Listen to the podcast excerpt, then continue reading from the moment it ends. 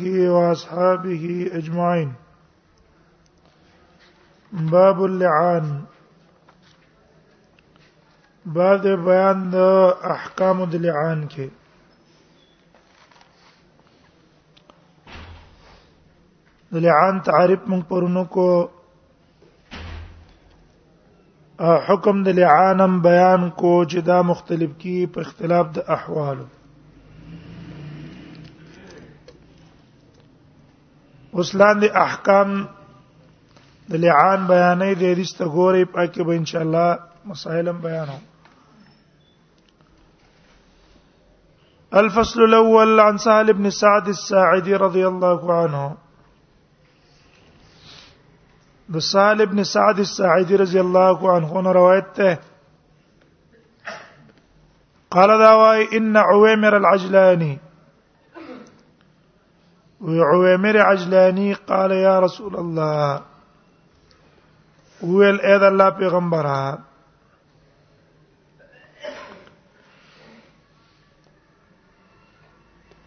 لعن واقع شوه ده اول زل شعبان میاش وا سنه 90 من الهجره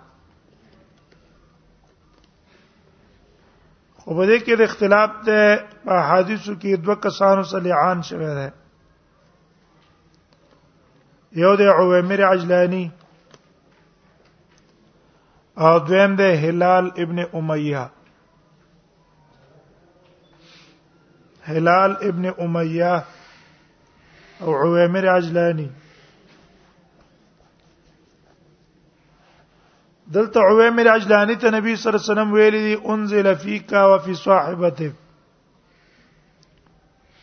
او د هلال ابن امیہ واقعا را روانه ده چې نبی صلی الله علیه وسلم ته ویلو البینا او حدا فی ذالک یا بګوان را ولې کني په درو دیوان نو د علماء اختلاف ته چې آیا اوله واقع د چا څخه واقع شوه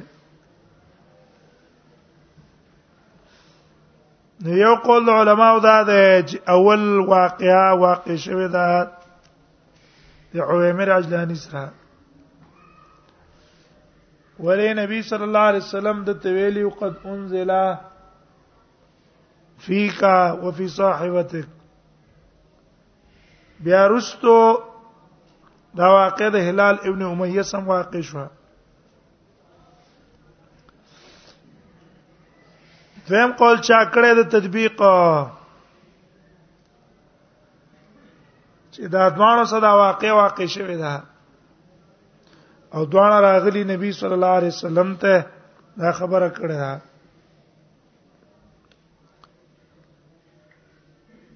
او بده کې هلال را مخ کې شوه دی نو هغه سره مخ کې لعان شوه دی بیرسته د عوامر عجلانی سره شوه دریم قول چې هغه راجح دی چې نه اوله واقعا د هلال ابن امیه سره شوه زکه هغه چې کله راغې نبی صلی الله علیه وسلم ته چې ویله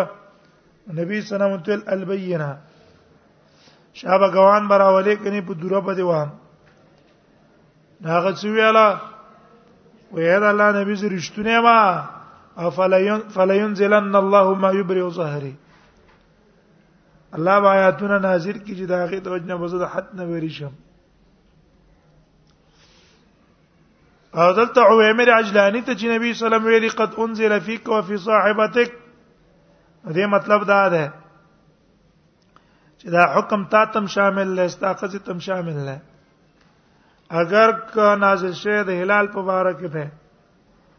لیکن دا د شول کستا په باره کې نازل ده یو سره وسغلاو کی او ګوان په پیشي ته تلاس پرې کې او ته دا آیات ستا په بار کې نازل شوه معنی دا ده چې دا حکم تا ته څه ده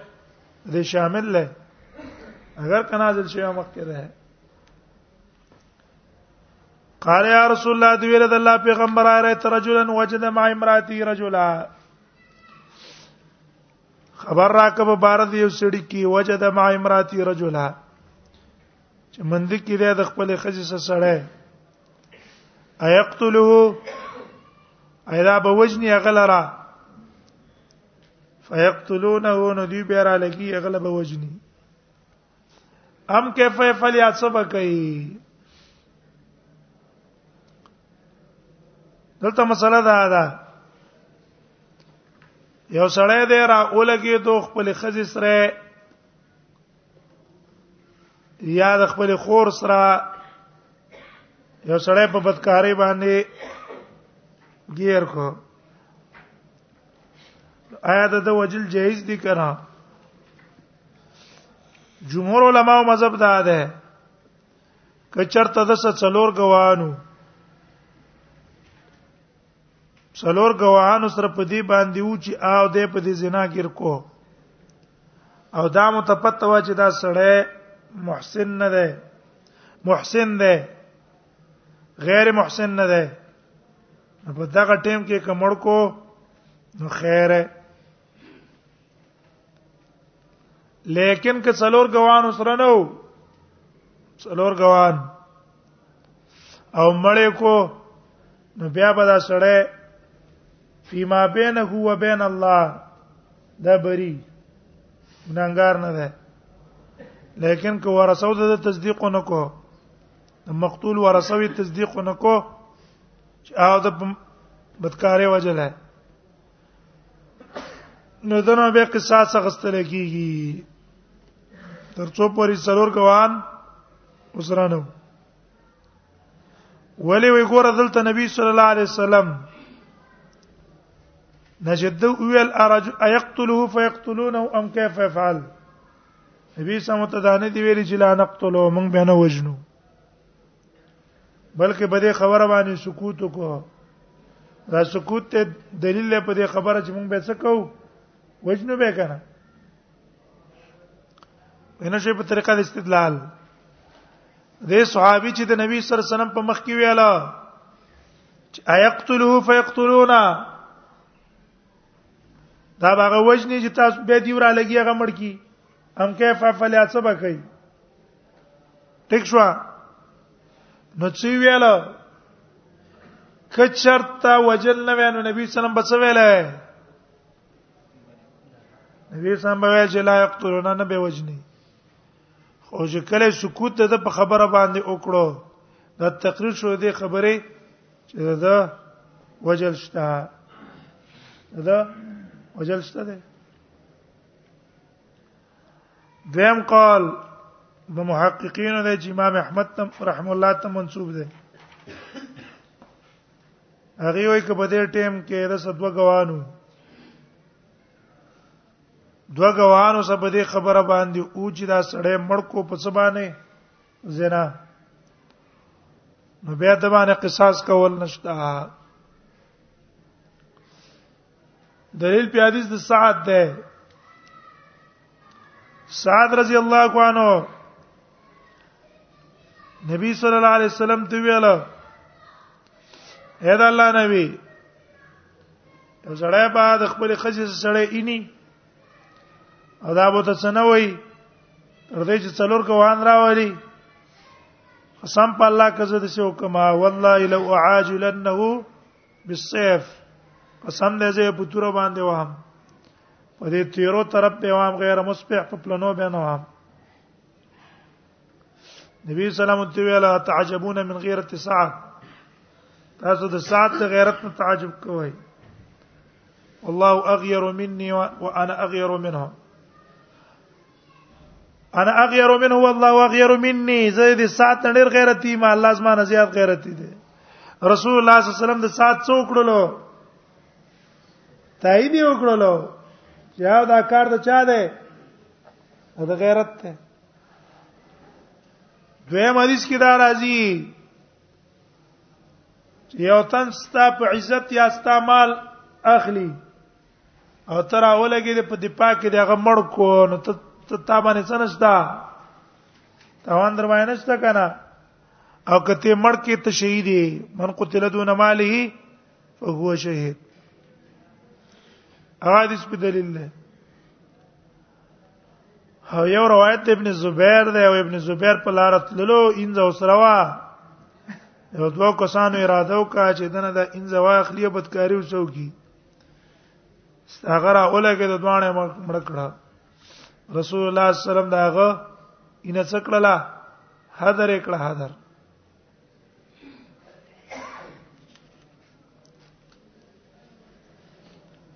ايقتل فتقتلون ام كيف يفعل فقال رسول الله صلى الله عليه وسلم نبي سمتو ویلا قد انزل فيك وفي صاحبتك نازل شوه پتا کې استاد خزي په بار کې فزب لاړ شفاعت بیا خزرا والا قال سالو فتلعنا فی المسجد نو په جمعات کې لعان وکړو دینه معلوم چې جمعات کې لعان څه ده دا جایز ده نه روانه ده جمعات کې لعان کړه وعنا مع الناس عند رسول الله صلی الله علیه وسلم وإذا دخل قصرهم د نبی صلی الله علیه وسلم په خوا کې فلما فرغ کله چې دواړه فارغ شو قال عوامر عوامر وی كتبت علي يا رسول الله ما بدروغ ویلی په دې باندې اې د الله پیغمبره ان امسکت عقدین رستم په نکاح کې ځان سو ساتله دینه بعد هم زه په نکاح کې ساتم دا به د شیل کما په دې خزه ویلی ما په دې خزه باندې دروغ ویلې دي ان امسکتها فطلق ثلاثه طلاق کړ په درې طلاقو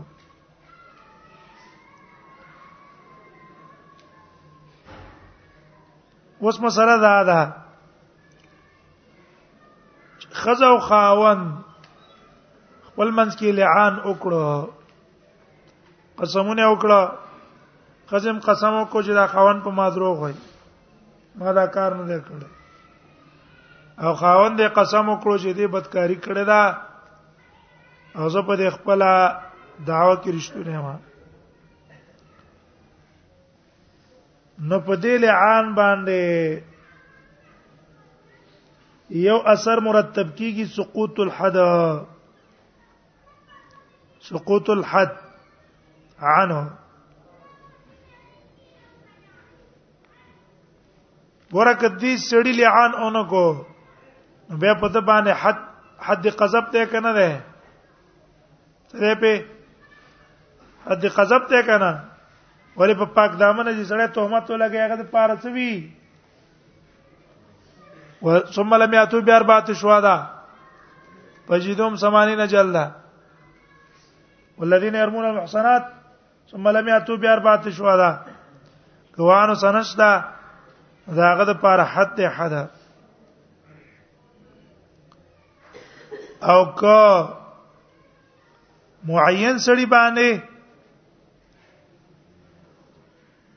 بدنامي په لګول چې د پلانکی سره لا بدکاری کړی دا په دې لعان باندې دا غسړی نم حد ساقط شو هغه نم څه شو هم ته ساقط شو دلیل په دې خبره ده ده چې هلال ابن امیه ویل والله لا يعذبني الله عليهما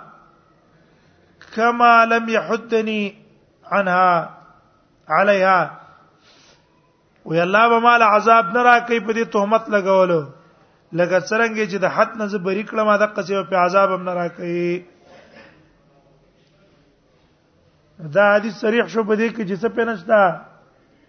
دې سړی باندې حد قذف نشتا او دا تهمت په چا لګولې په خاص معین سړی چې شریک ابن صحما او کنو دویم وجه دا ده چې دا شهادت دا قائم دی په زید بینه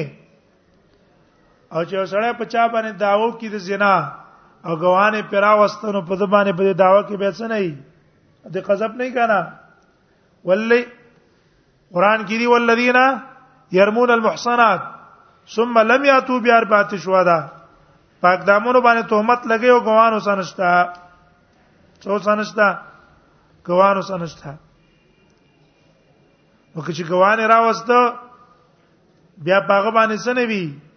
هغه باندې بیا حد نه یو مسله دا شو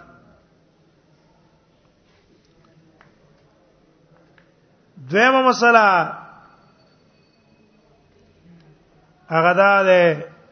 فطلق ثلاثه چې لعان نرستو فرقت واقع کی په مابین د خزه او د خاون کې فرقت په واقع کې په مابین د خزه او د خاون کې لیکن د فقهاو اختلاف ده هغه وخت کې چې کم ټینګ کې فرقت په واقع کې بین المتلاعنین خزه او خاون به کم وخت کې دیو بل نه جدا کی دې کې تقریبا څلور قولې د علماو یو قول دا ده چې فرقت به حاصلېږي به مجرد لعانها اول به سړی قسمونه وکي بیا به خزه قسم وکي نو چې کله خزه لعان وکړو بس خزه او خاوند یو بل نه جدا شو وایي اول به سړیو کې بیا ورستو خزه چې خزه کله وکړو بس فرقت واقع شو دا قول دی عبد الله ابن عباس رضی الله عنهما امام بیقی ته نقل کړه داري ابن قدامه په مغنی کې نقل کړه او دا قول نقل دی د عمر نه علی نه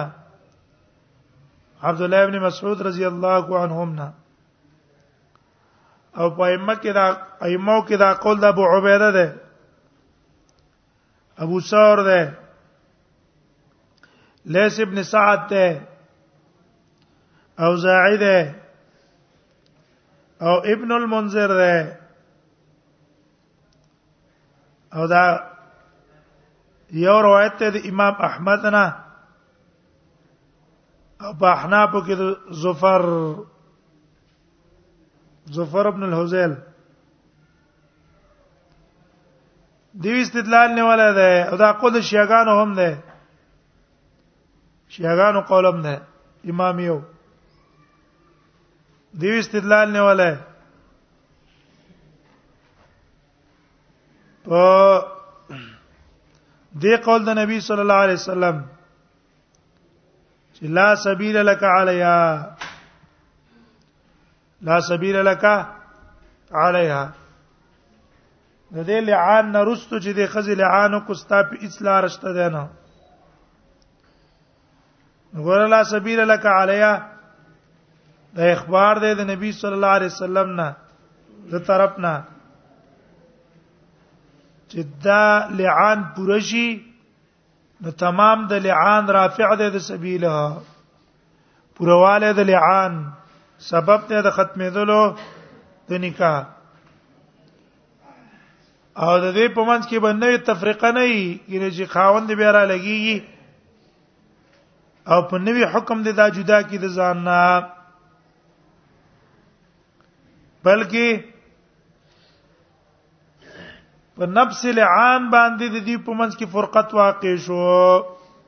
په لفظ لعان ور فرات فرقت واقع شو بل وجه دا دا دیوی ګره د لعان چې ده یقتضی التحریم المؤبد دا تقاضا کې د تحریم مؤبده نو دا موقوف په حکم د حاکم نه دی په شان ته د رضا اے زنانه ماشوم لته ورکو نو دې رضاعت څخه حرمت ثابت شو کنه موقت دا حرمت پر رضا ثابتيږي په حکم د حاکم ثابتيږي حکم د حاکم ته کی ضرورت نشته کنه د قصدام ده حاکم تفریقه کوي او کنه کوي او په دې باندې واقع شو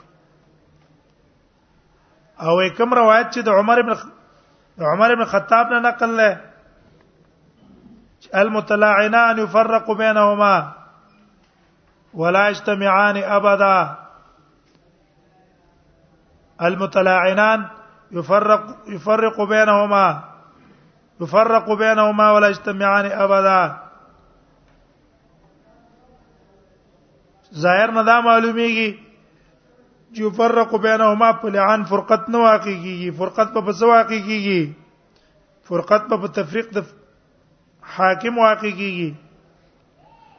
ظاهر دا دلالت کوي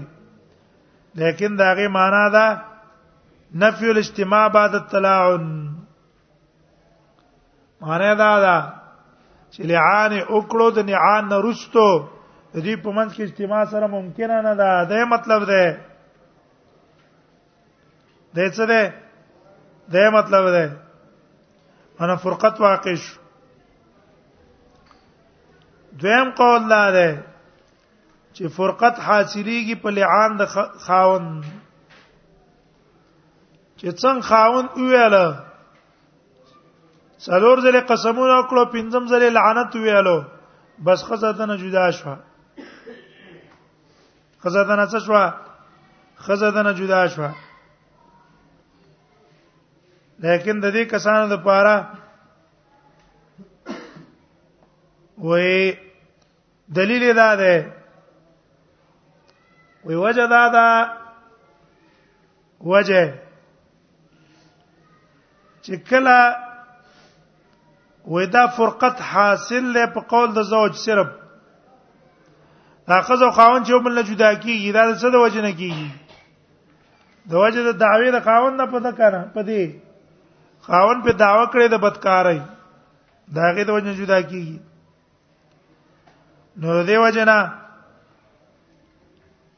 خاوند لپاره په کې اختیار شو په شان ته د طلاق لکه خاوند طلاق واقع کی د خاوند طلاق نه رسو فرقت واقع کی کنه د قصیدام شو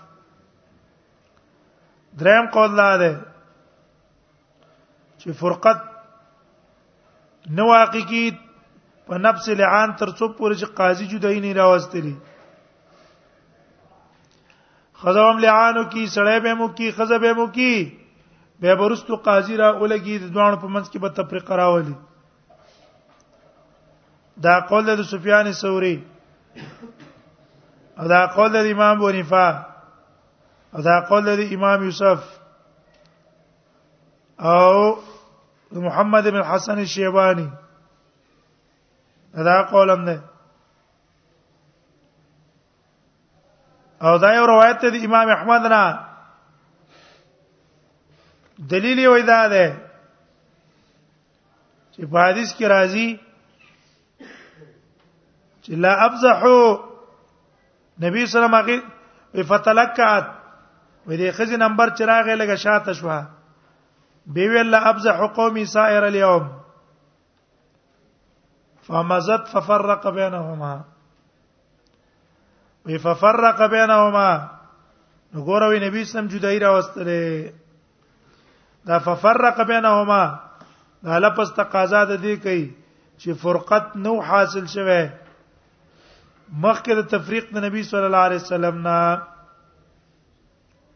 هغه واقع کو بل دلیل دی دا وایي چې ګوره سبب ته دی فرقت سبب ته دی فرقت موقوف په حاکم نه کنه ده اې دا خزه چې دی خاوند نه جدا کیږي نو په څه وجه جدا کیږي په مجلس د قاضي کې به جدا کیږي کنه چلته بل عانو کی نو چې کله سبب د فرقت موقوف په قاضي پورې نو دې وجه واقع کیږي من پس د چانه پس د تفریق د قاضي نه حدیث د عبد الله ابن عمر باندې استدلال کړه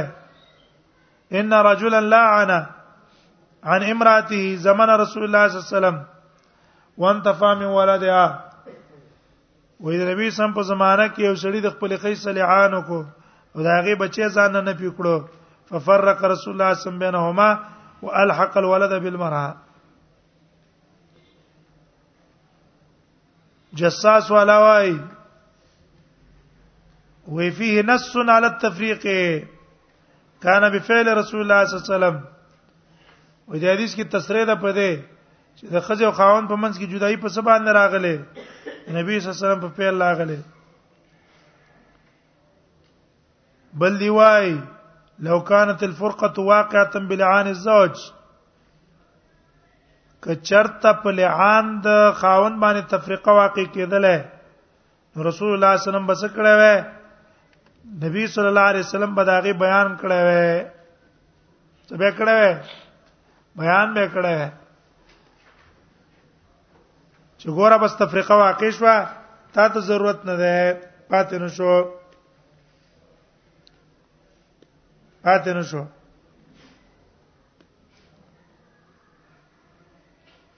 سلورم قول هغه لعان لا يقتضي فرقه وای په لعان باندې فرقت ناراضي او نه په قاضي فرقت راضي ترڅو پورې چې خاون طلاق نه واقع کړي خاون به طلاق واقع کوي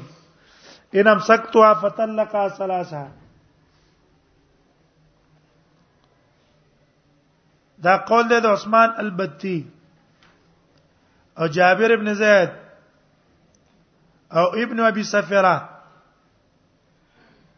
لیکن امام قرطبي وايي وې دا د څه قول دی چې دا چا سره کړه نه په صحابه کې دا قول په صحابه کې چا سره کړه نه ده دیو نه دا قول کمزور دی هدا اول نو قول سماره د خلاف په کوم ځای کې دا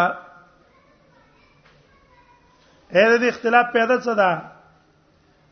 اولنی قول والاوي چې بلعان د خاون فرقت واقع شو دویم قول والا وای چې لعان واقع شو پس د چانه خزینا او دریم قول والا وای او دا دویم قول د امام مالک قول دی او دریم قول والا وای چې فرقت په څه باندې واقع کیږي پس د تفریق د قاضی نه د دې اختلاف ثمره څه ده اختلاف د ثمره اصل کې په میراث کې راځي څنګه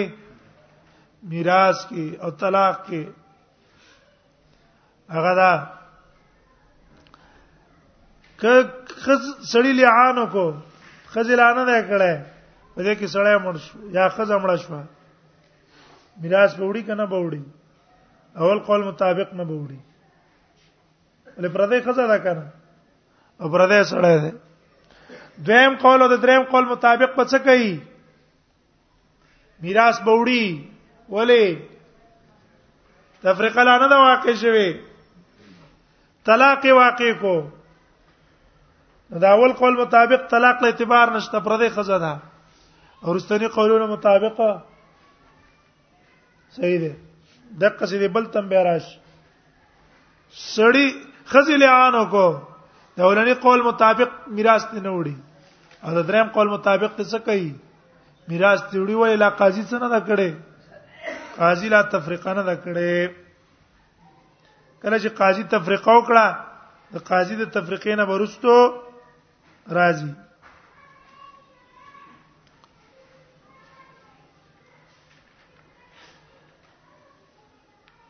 بل اختلاف پدې کې دی چې سیدا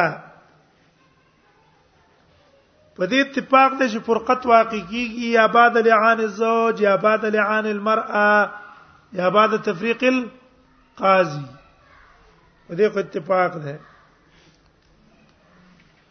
لیکن اختلاف په دې کې دی چې آیا په دې باندې چې فرقت واقع کی په مابین د خځو د خاوند کې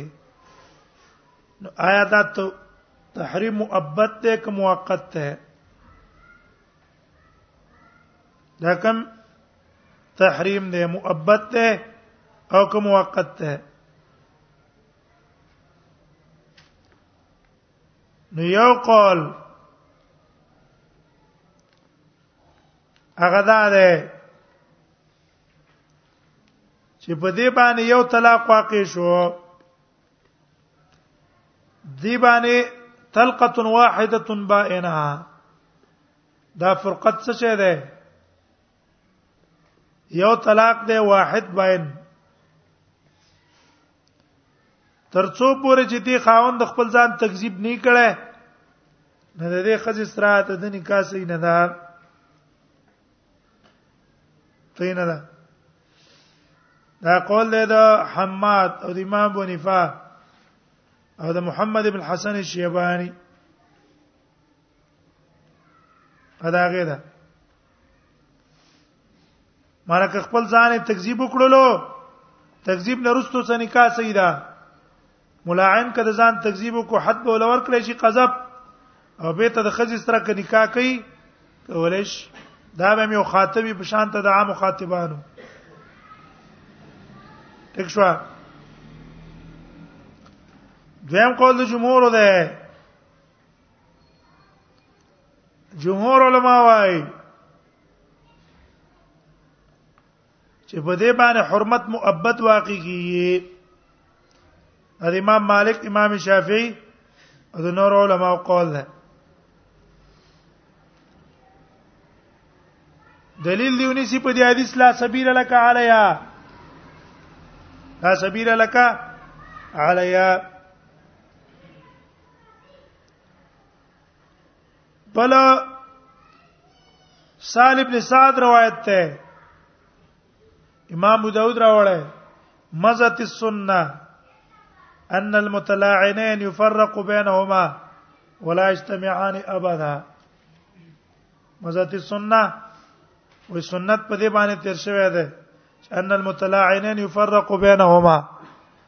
متلاعنان په منځ کې به جدایي راوستل کیږي او ولا یجتمعان ابدا دی وسره په نکاح کې جمع کیږي نه د دلیل شلو بل دی وای په دنیا کې خود خزه او د خاوند د دروغوالي د رشوه اشتینوالي خو پته ونه لګی دا کنه څنګه شو دنیا کې خو پته ونه لګی دلا خزه قسمونه وکړه او سړی قسمونه وکړه اوس په دې کې پته ونه لګی چې کم صادق دی کم کاذب دی په دنیا کې پیسې رانشته پیسې چاته پاتې شو اخرت ته او په آخرت کې به د رښتینو د دروغ دروغجن پته لګيږي نو چې آخرت ته خبره پاتې شو تر څو پورې چې تکذیب د احدهما معلوم شوی نه دیو بل څه نکاح نشي کولای نو دیو جن حرمت سره راغې حرمت مؤبد راغې مؤبد محبت پر راغې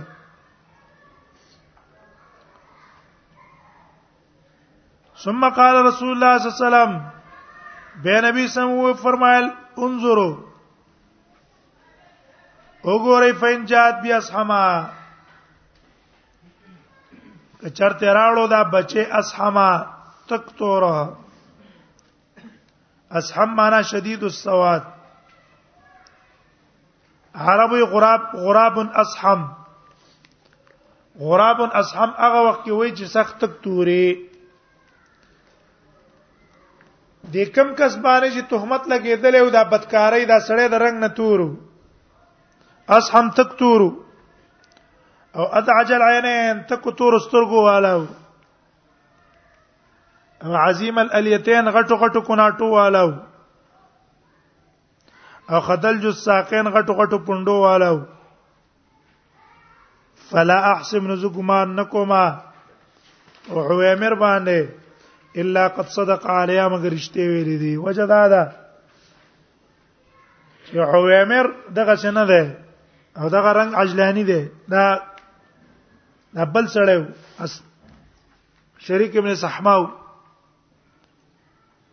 وین جات بیو حیمر او کچر تیراړو دا بچو حیمر تک سپینا او حیمر تصغیر د احمر ده مراد ته تک سپین دی ولی سرواله چرته پات پیدا کیږي اې د مخ سرواله سپین مخ کې معلومیږي چې سپین مخ نه کنا پای کې سرواله نه معلومیږي ځکه دا سرواله په سپینواله کې کار کیږي دیو جن دی په ابيض باندې اطلاق د احمر کوي کانه وحره گویا کدا وحره دا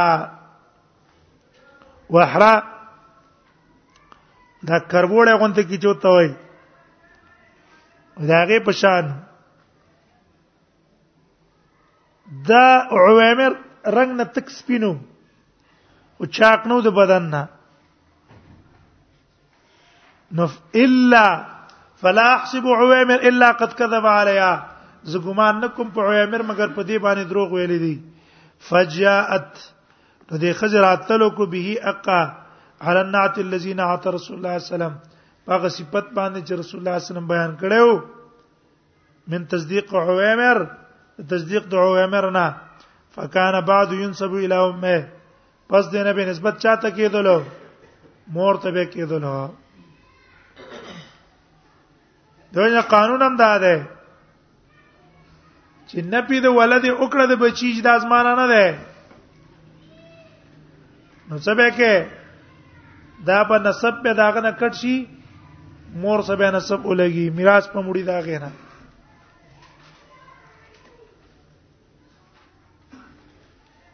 فكان بعد ينسب الى امي متفق عليه وعن ابن عمر